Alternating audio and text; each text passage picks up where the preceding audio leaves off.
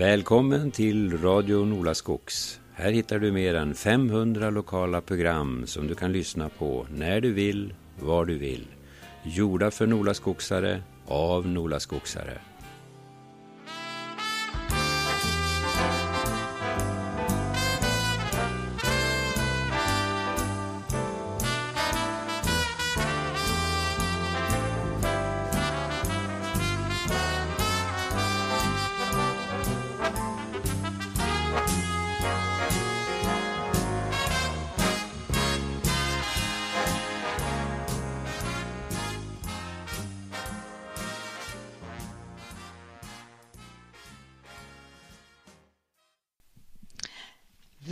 Välkommen att lyssna till Vårdpratarna i radion Ola Skogs. Utöver dagens program kommer två till den 31 oktober och den 5 december. Efter Vårdpratarna klockan 10 kommer följetongen med Bo R Holmberg som läser ur sin bok Bedragarna.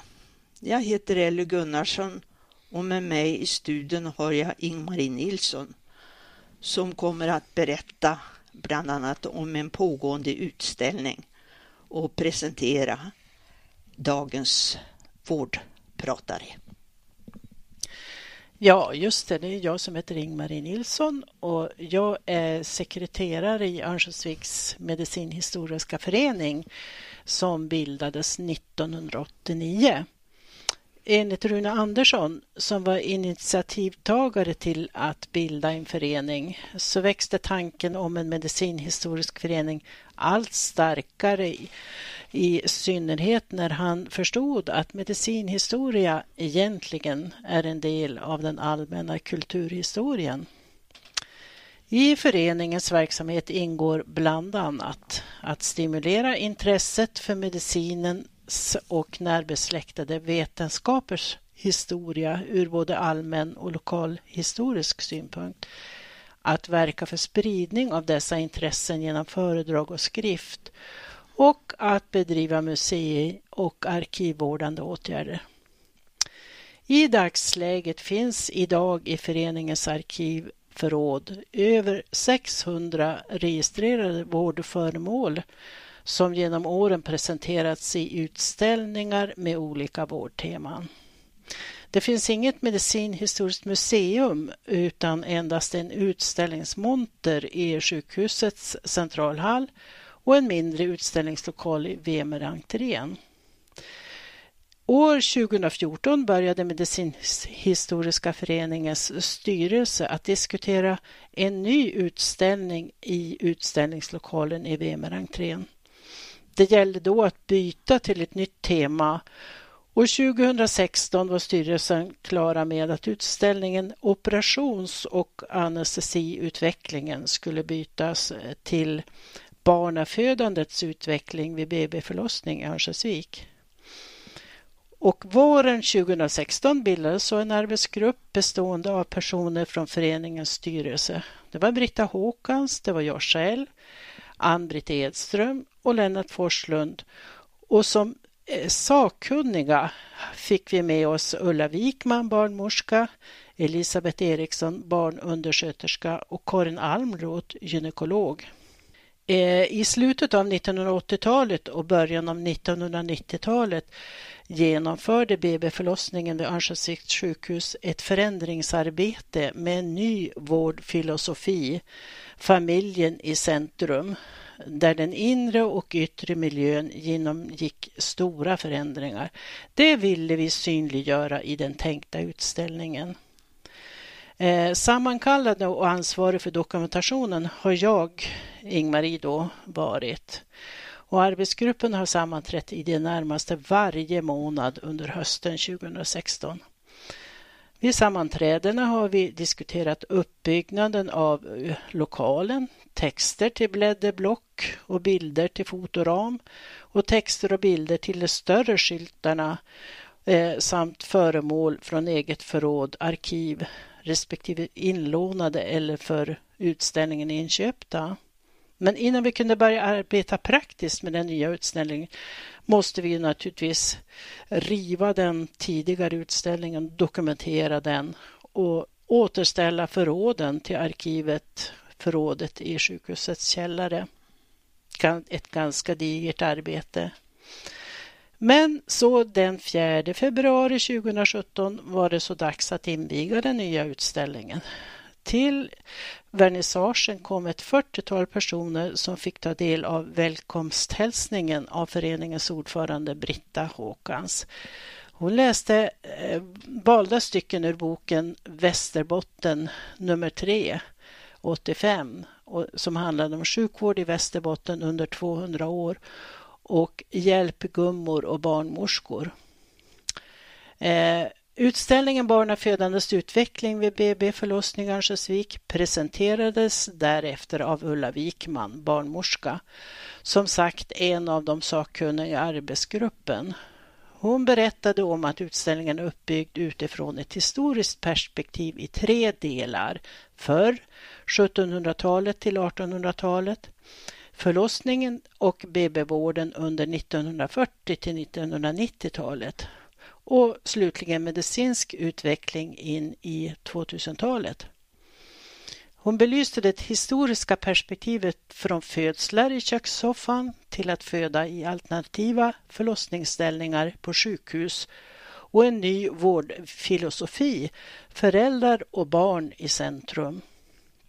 Hon läste också upp en förlossningsberättelse från en sexbarnsmor eh, när hon födde i en alternativ förlossningsställning.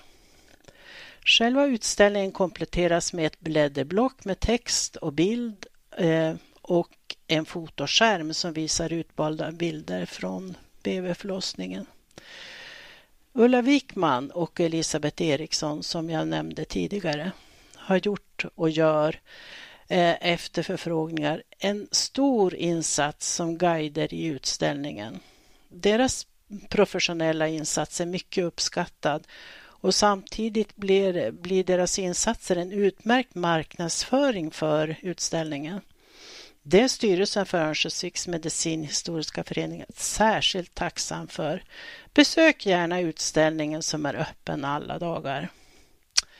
Eh, nu ska jag prata om en helt annan sak. Nu går vi in på vårdpratet idag. I det bokprojekt som Ellie Gunnarsson och jag arbetar med har vi intervjuat ett antal personer inom vården. När vi kom till ämnet apoteksförrådet, som först var husmors ansvar, ville vi intervjua en person som arbetat med apoteksförrådet efter husmor. Och valet föll då på receptarie Elisabeth Forsberg. Vi fick komma till henne och spela in en intervju med henne och den kommer vi strax att sända. Tack Elisabeth för alla trevliga pratstunder och det goda fikat som du bjöd på när vi jobbade med intervjun. Eh, när Elisabeth skulle välja musik så sa hon att jag totalt, jag kan ingenting om musik, men ta, spela gärna Vivaldis fyra årstider. Så det kommer vi att göra allt eftersom i intervjun. Och som avslutning spelar vi Apollos Fire utav Vivaldi. Elisabeth eh, Schelin, gift Forsberg, född den 12 juli 1929 på Örnsköldsviks lasarett. Mina tre äldre syskon föddes hemma i sängkammaren. Min första båtresa gjorde jag en vecka gammal med skärgårdsbåten Sam ut till Dekarsjön och vårt älskade sommarställe i folkmun ibland kallat, kråks, kallat kråkslott, vilket jag inte gillar att höra. Där bodde jag alla somrar tills jag var 64 år och huset såldes. 1993 var det.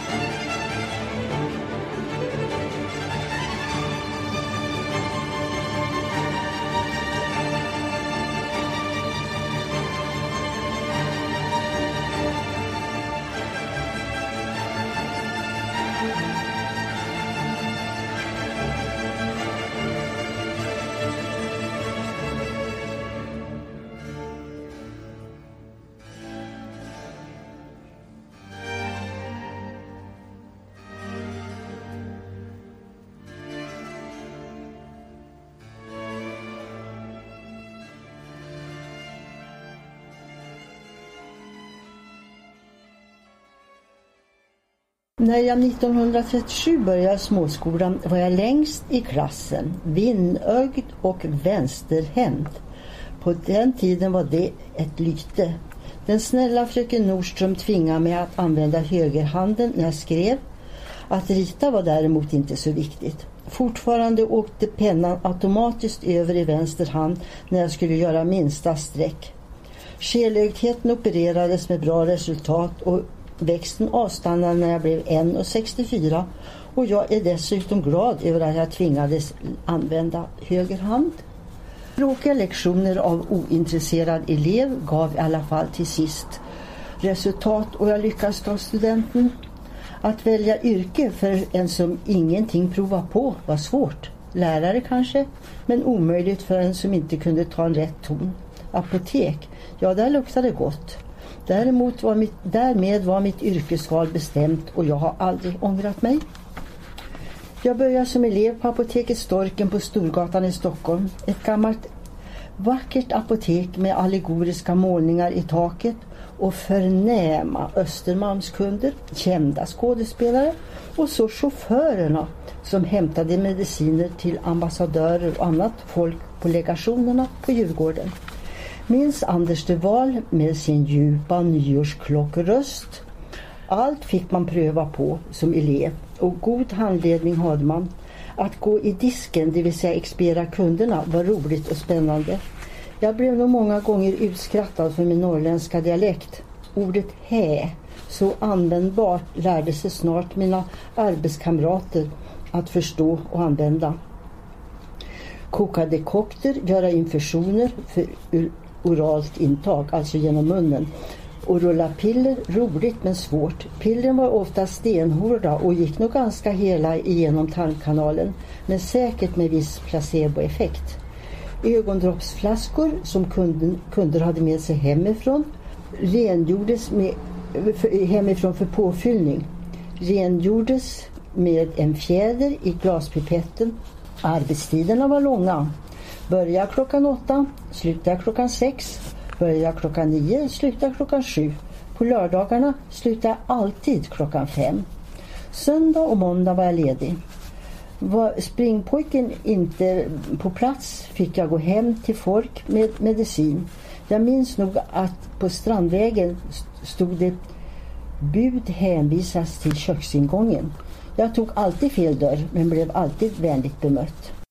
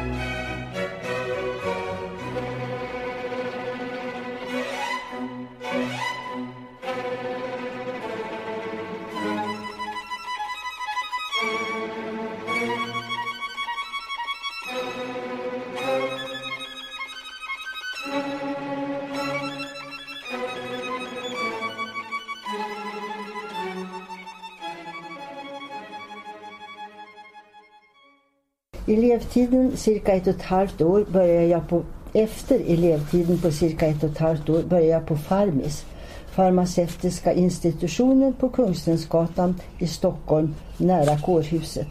Utbildningen tog den också cirka ett och ett halvt år.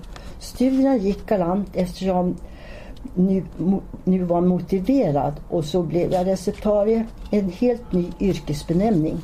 Tidigare tog man farmacikandidatexamen och kunde fortsätta till apotekare. Det var ont om farmaceutisk personal. Första året efter examen fick man söka jobb upptagna på en lista. Jag sökte till Norsjö, nyfiken på hur det skulle vara att bo så långt norrut, men blev hänvisad till Ulricehamn. Han visste jag bara att där fanns ett kurhotell och textilindustri. Apoteket ordnade rum för mig på pensionat Majgård där jag kom att bli familjemedlem. Mat ingick i hyran, varje dag en fest och, varje, och var det begravning eller bröllopsmiddag satt jag i köket och åt stek och glass med spunnet socker. Mm. Många intressanta gäster bodde där i perioder. Ett original var Stig Sederholm, Åsa-Nisse författaren som hade ett gott öga till Birgit Tehosparre, författare till Gårdarna runt sjön. Arbetskamrat på apoteket var Elisabeth Hammarskjöld. Jag blev så god vän med henne och hennes man Peder att det till och med kom upp och hälsade på på Dekarsjön. Peder var kusin till Dag var kusin med Dag Hammarskjöld. Varför skrev jag inte ner allt det berättade om sin kända kusin? För min första lön köpte jag en skotsk mohairpläd för 75 kronor. Outslitlig och tycker jag fortfarande så vacker. Vad jag hade lön har jag däremot inget minne av. Efter året i Ulricehamn då jag fritt fick välja arbetsplats sökte jag tillbaka till Stockholm till Vita Björnen på Östermalmstorg. Granne med teatern och saluhallen. Många kändisar och skådespelare som kunder. Stig Järrel, Anna-Lisa Eriksson, Kotte Shave, ja alla som man bara sett på bild eller bio. Eftersom jag var yngst och inte hade familj blev jag utlånad till andra apotek. Det var, det var ju fortfarande då på 50-talet personalbrist. Många delar av Sverige fick jag se och det gillar jag. Tro, tror aldrig jag tyckte det var gruvsamt att dyka upp på nya ställen. Blev alltid så väl mottagen och omhändertagen. När jag hade nattvakt låg jag påklädd ibland i lunchrum, ibland på kontor i väntan på kunder som klingade i nattvaktsklockan och som expedierades genom en lucka. Endast brådskande recept var tillåtet. Det som hoppades få pigga upp sig med en 100 ml dubbla bröstdroppar, spritstarkt, var lätt att neka. Men när jag sa nej till en känd musiker som var i behov av kondomer skäms jag. Vi på apotek har alltid följt våra instruktioner, tryggt och bekvämt för oss. Så småningom efter viss erfarenhet började vi i alla fall använda oss av SF, lika med sunt förnuft.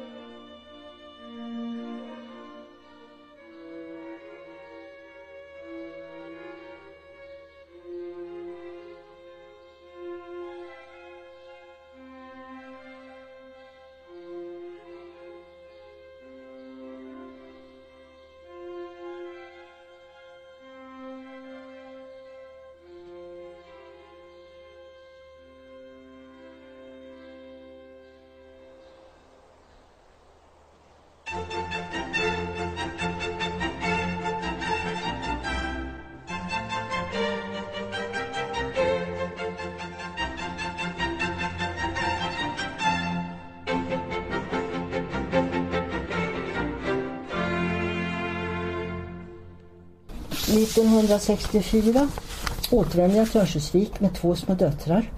Blev snart tillfrågad om jag kunde hoppa in på ett vikariat på sjukhusets apoteksförråd som föreståtts av syster Margareta Boman och nu skulle ersättas av farmaceutisk personal. Och där blev jag klar, kvar till pensioneringen på världens trivsammaste arbetsplats på sjukhuset men ej tillhörande landstinget Arbetet gick ut på att expediera läkemedel till avdelningarna på inlämnade rekvisitioner. Ett visst lager fanns på förrådet men också varor från apoteket levererades dagligen i en stor låst plåtlåda som hämtades av Arnestjuven Karl-Erik Byström, en underbar kompis. Ja, alla vaktmästare, Lennart Forslund, Pelle, Stig, Myra med flera, så hjälpsamma, så roliga. Varje morgon då Elsa Edholm, min hjälp och jag var på plats klockan sju kom doktor Johan Rydebäck och gick igenom beställningarna. Godkände han eh, godkände eller tog ett samtal med ordinatör. Läkemedelskommittén hade en tryckt förteckning över rekommenderade läkemedel och den skulle helst följas. Ingen tillverkning skedde på förrådet, endast dispensering, det vill säga fördela på mindre kärl. 96 i sprit kom i en plåttunna till källaren och dispenserades i 5 liters glaskör med glaspropp. Vaktmästarna ombesörjde med glädje det jobbet och Elsa bistod. Efteråt var Elsa alltid så rosig om kinderna. Det är ju ganska starka ånger där. Med jämna mellanrum kom apotekare Hans Rennblad och inspekterade lä avdelningarnas läkemedelsförråd. Ganska petigt. Viktigt bokstavsordning, hållbarhetstid, brytningsdatum, antecknat, inget gammalt vatten i flaskan vid syrgasuttaget med mera.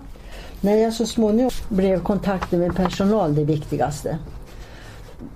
Förutom Elsa fick jag också hjälp av apotekstekniker Infusionslösningar levererades i glasflaskor med stigrör och varje flaska måste noggrant synas innan den skickades till avdelning. Trasiga stigrör var det stora problemet. Så mycket enklare det blev då tillverkarna övergick till plastpåsar men också det måste granskas.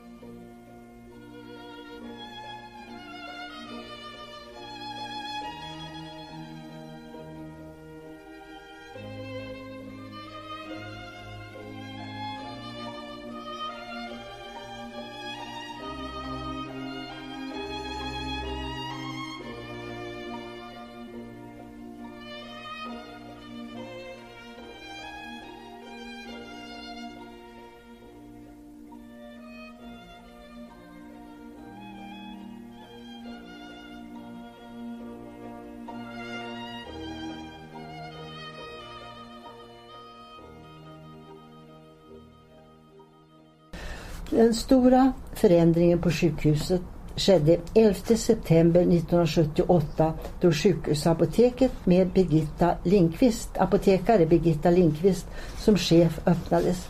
Vår service till avdelningarna fortsatte som vanligt. Att åter få kundkontakt var roligt men nu tack vare Bror Rexeds du-reform gick det lättare att föra ett samtal med kunderna. En gång i månaden träffas pensionerat apoteksfolk vid en lunch. Vi blir allt fler och äldst är jag. Tur hade jag som råkade bli receptarie och fick ett så fantastiskt omväxlande yrkesliv.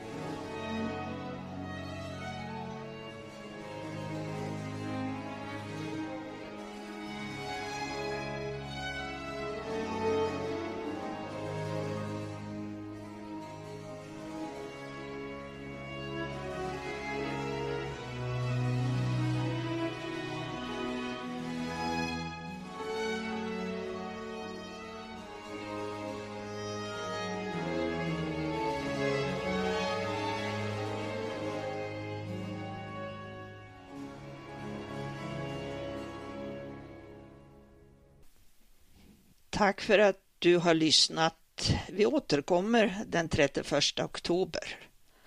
Sen som jag sa i början så kommer ju klockan 10 här följetongen Bo R Holmberg läser sin bok Bedragarna. Missa inte det. Tack.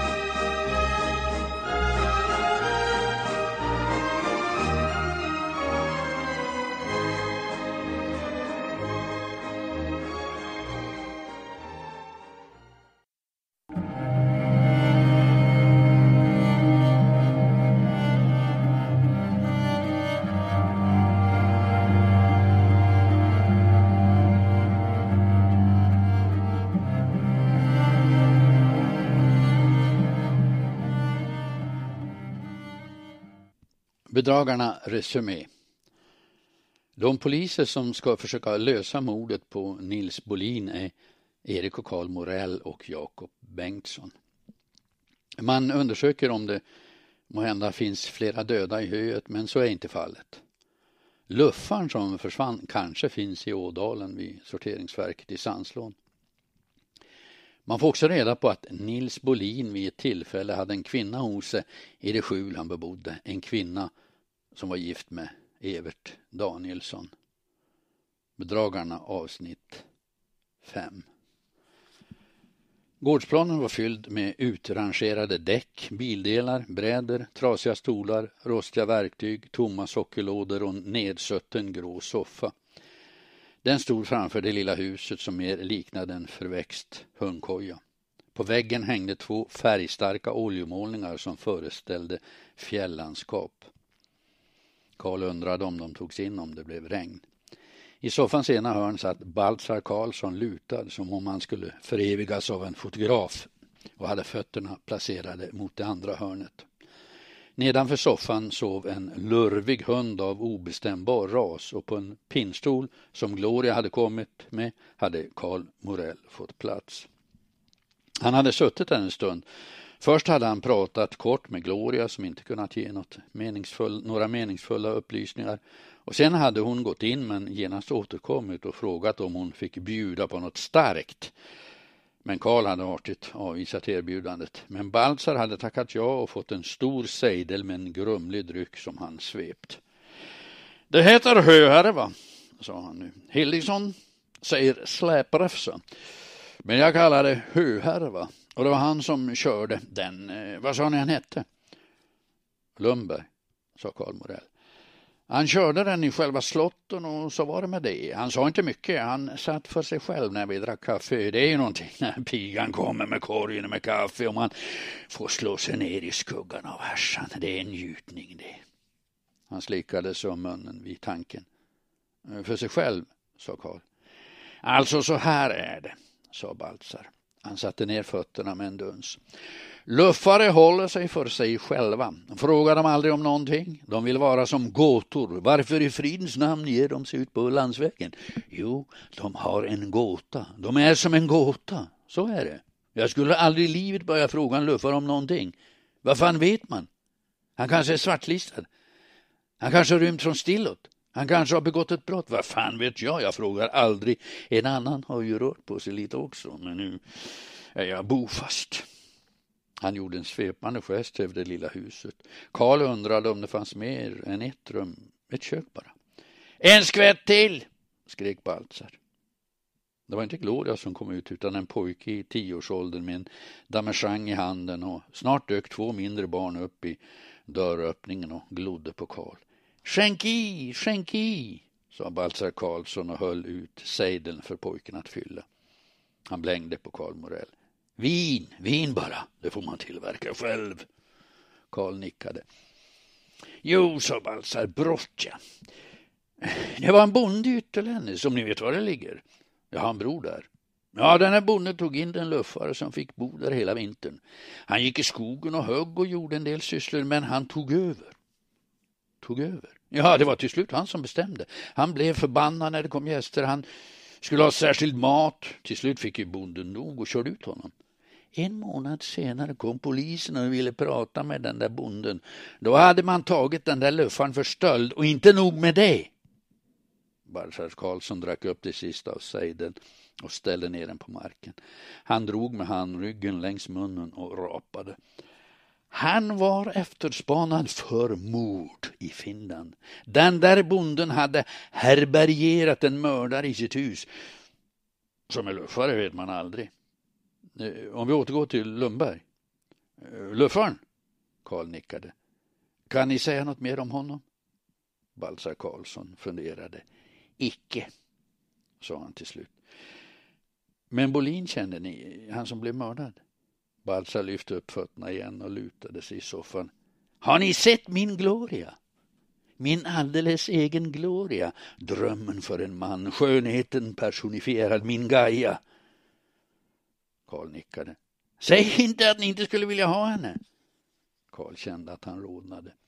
Det är hustru, sa han. Hustru, hustru. Men hon är min och så ska det förbli, sa Baltzar. Det där missfostret som heter Nils Bolin kastade sina slemmiga ögon efter henne en kväll i slotten. Nitade jag honom.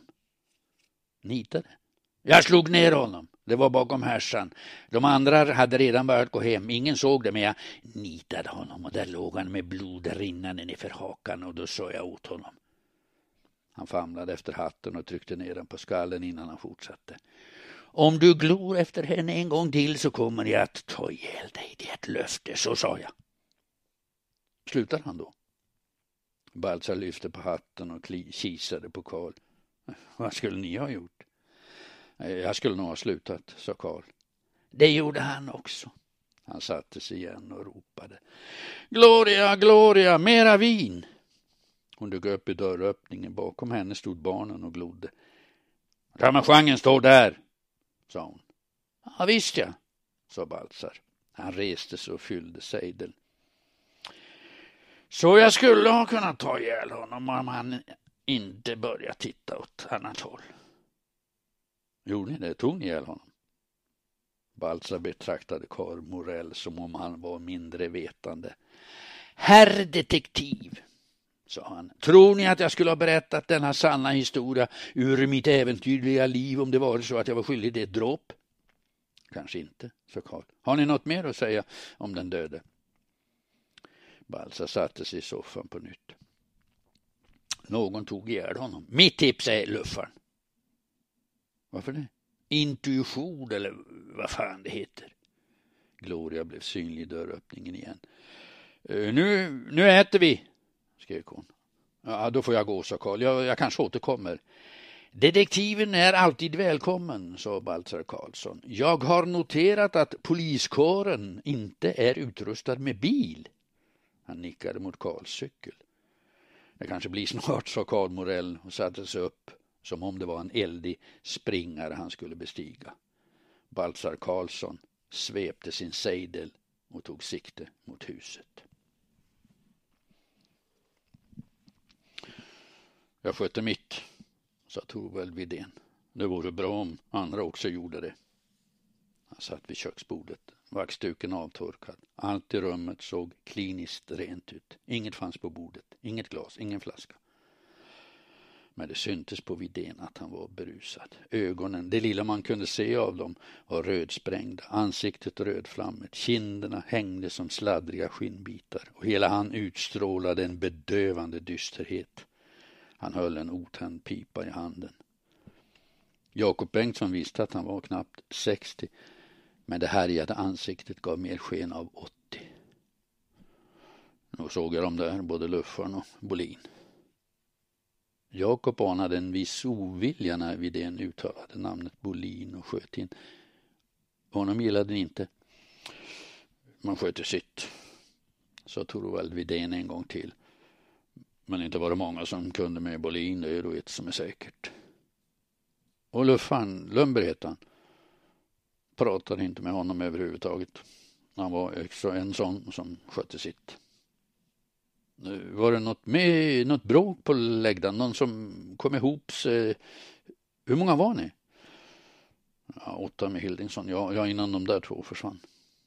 Han slickade som läpparna, reste sig och gick lätt svajande över till diskbänken där han tog skopan, fyllde den med vatten och drack glupskt.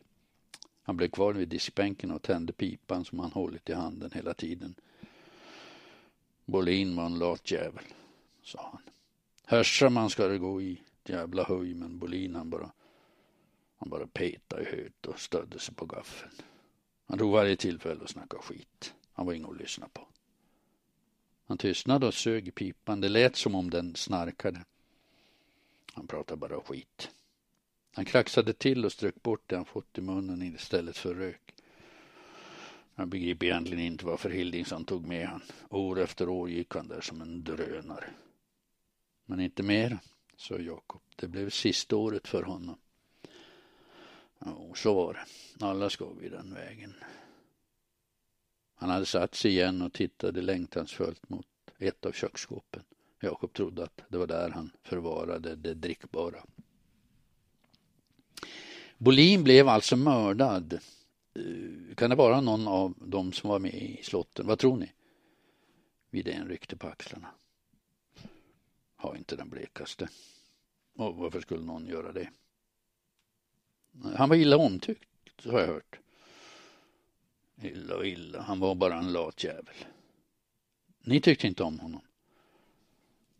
För det slår man inte ihjäl någon. Men ni bor ganska nära Lestanders hus, sa Jakob. Nu måste ni ha sett Nils Bolin ibland. Han var ju med i slotten. Det är klart jag såg han. Eh, jag menar här omkring. Som jag sa så sköt jag mitt, sa Widén och håller mig här. Men ni är nästan grannar. Nästan och nästan en bra bit. Var dog jag väl när jag gick till Lestander. Varför skulle jag dit? Jag går inte med han. Inte med Bolin heller. Inte med någon kanske, tänkte Jakob. Widén reste sig och gick över till vedspisen. Lyfte en ring med spis, spiskroken och knackade ur pipan. Han fortsatte till vattenhinken där han drack en skopa till. Fortsätt med vatten, hade Jakob lust att säga. Eh, jag hör av mig mera, sa han istället. Varför det? sa Widén. Ögonen hade blivit ännu mindre under den tid Jakob varit inne i det lilla huset. Ja, om det är något annat. Ja, vad skulle det vara? Om jag det visste, sa Jakob Bengtsson.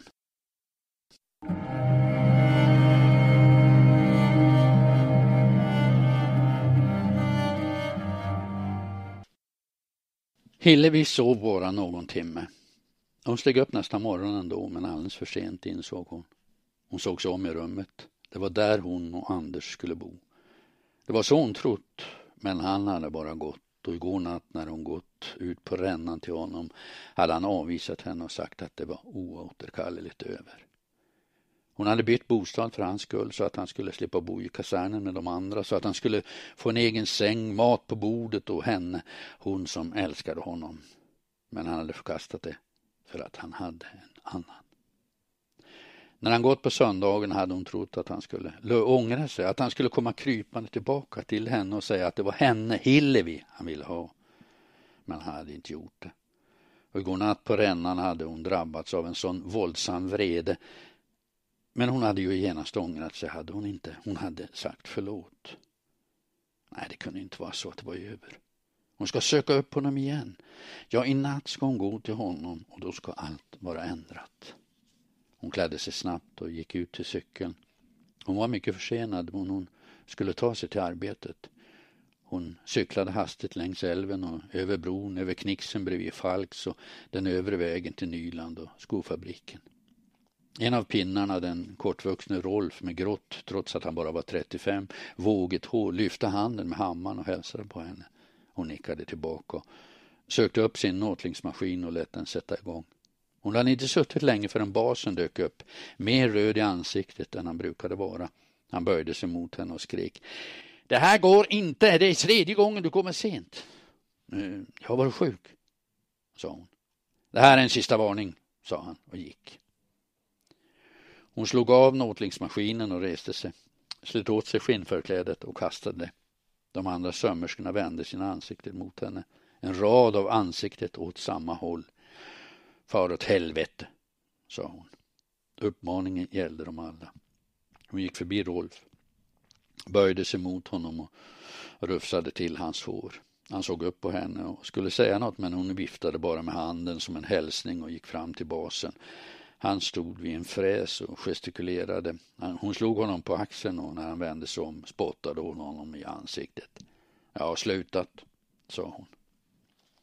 Hon cyklade in till Nyland och sökte upp konditoriet på Köpmangatan. Det var ägarinnan som fanns där idag. Hon hade ett stort svart burrigt hår och ett vänligt leende. Hillevi beställde en kopp kaffe och en massarin och satte sig längst in. Hon hade en hel dag att slå ihjäl innan hon kunde söka upp honom. Om det inte var så att hon skulle ta sig till kasernen. Det hade hon gjort i lördags. Men det var ju inte där de brukade träffas. Det var i prejarkojan efter skiftets slut. Så många nätter hade hon tagit sig dit och sedan bara sovit någon timme innan hon skulle till arbetet. Men det var slut nu. Hon skulle aldrig mer dit. Hon skulle söka ett annat arbete. På Sandslån, kanske på affären. Det var ju Sandslund hon bodde nu och det var där han skulle bo också. Hon slog upp en kopp kaffe till ur kannan och knaprade upp det sista av massarinen innan hon reste sig och gick ut till cykeln. Ja, ikväll. Det pirrade i henne när hon tänkte på honom. Köpmangatan var fylld med folk som strömmade in och ut ur affärerna. Från guldsmedsaffären kom ett ungt par. De gick leende hand i hand och hon tänkte att de kanske köpt förlovningsringar. Det var här de skulle ha köpt dem, hon och Anders. Men han är redan förlovad, sa han. Det kunde inte vara så. Och om det var så skulle han bryta. Han måste bryta den förlovningen. Hon väntade. Hon satt i sängen med benen uppdragna och stirrade ut i rummet medan tiden gick. Vid ett tiden steg hon upp. Hon ställde sig naken i rummet och granskade sin kropp. Tänk om. Hon lyfte brösten, drog med handen nerför magen. Den var platt, inte tillstymmelse till utbuktning. Men tänk om. Hon kunde ju säga det. Det kanske var så också. Han kunde ju inte veta. Om inget annat gick skulle hon säga det. Hon skulle säga att hon var med barn. Då kunde han väl inte överge henne. Hon gick till kommoden och tvättade armhålor och hans underliv, drog på sig trosorna, tvekade och tog sedan av sig dem och klädde sig i sin svarta klänning. Hon kammade ut håret och lät det hänga fritt. Sen gick hon. Ett svagt julimörker omslöt henne medan hon traskade över bron och ner till sorteringen. Den var fortfarande i full gång. Hon gick ett stycke på utgångsbryggan innan hon vek av och följde ett av måtten. Långt där nere kunde hon se två av prejarna, den gamle och den magre, men inte Anders. Han kanske höll till i ett annat mått. Hon sökte upp prejarkojan och satte sig där i väntan. Det var ju dit de skulle så småningom när nattskiftet var över. Tre ryggsäckar stod det faktiskt. Vilken av dem var Anders? Det visste hon inte. Hon steg upp och slog upp dörren. Hon såg hur de två prejarna med gemensamma krafter tryckte upp en storstock på timret och med hjälp av den stötte de iväg bunten mot öppningen till kanalen. Anders då, var var han? Hon såg de två lägga båtsakarna på axeln och börja gå mot kojan. Den gamle med knäande gång, den magre lunkade efter och hon gick ut ur kojan. Den gamla hade nästan vitt hår, tunga ögonlock och en dyster mun. Den magre log snett när han kom närmare. Han är inte här, sa den gamle. Han har slutat, sa den magre.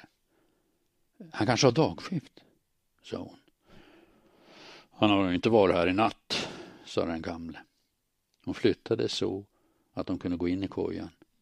De rafsade åt sig ryggsäckarna. Den magre två. Den gamla höll en termos i handen. Hon stod kvar och så stirrade ut mot måtten. Det är nog slut med besök här, sa den gamle när hon, han kom ut ur kojan. Eller så kan du få ta mig, sa den magre. Hon svarade inte. De två prejarna började gå mot land. Hon stod kvar. Hon väntade. Men han kom inte. Hon visste i vilken kasern han bodde och i vilket rum. Det var där han var. Han hade tagit kojdag trots att det inte var regnade. Jo, så var det. Hon sprang längs rännan och ut på utgångsbryggan och mot land. Tegelhusen låg ovanför verket, avlånga hus i två våningar. Hon sökte upp det som han bodde i och gick in genom ytterdörren.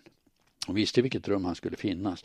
När hon öppnade dörren möttes hon av fem frågande ansikten. Tre av dem som bodde där satt vid ett litet bord. En av dem var en finnige som varit där i lördags. En hade lagt sig, den femte stod i kalsonger mitt på golvet. Ingen var Anders. Nej, men får vi besök? Det var han på golvet i kalsongerna. Han gjorde en gest som om han tänkte dra av sig dem. Är det Anders Knull? En av männen vid bordet reste sig. Han bar en smutsig brynja över en grov överkropp. Ansiktet var blankt av svett. Ställ er i kö, skrattade han. Vi hinner med henne allihop. Han i kalsongerna tog ett snabbt steg mot henne och drog henne in till sig. Känn, sa han. Hon slet sig fri.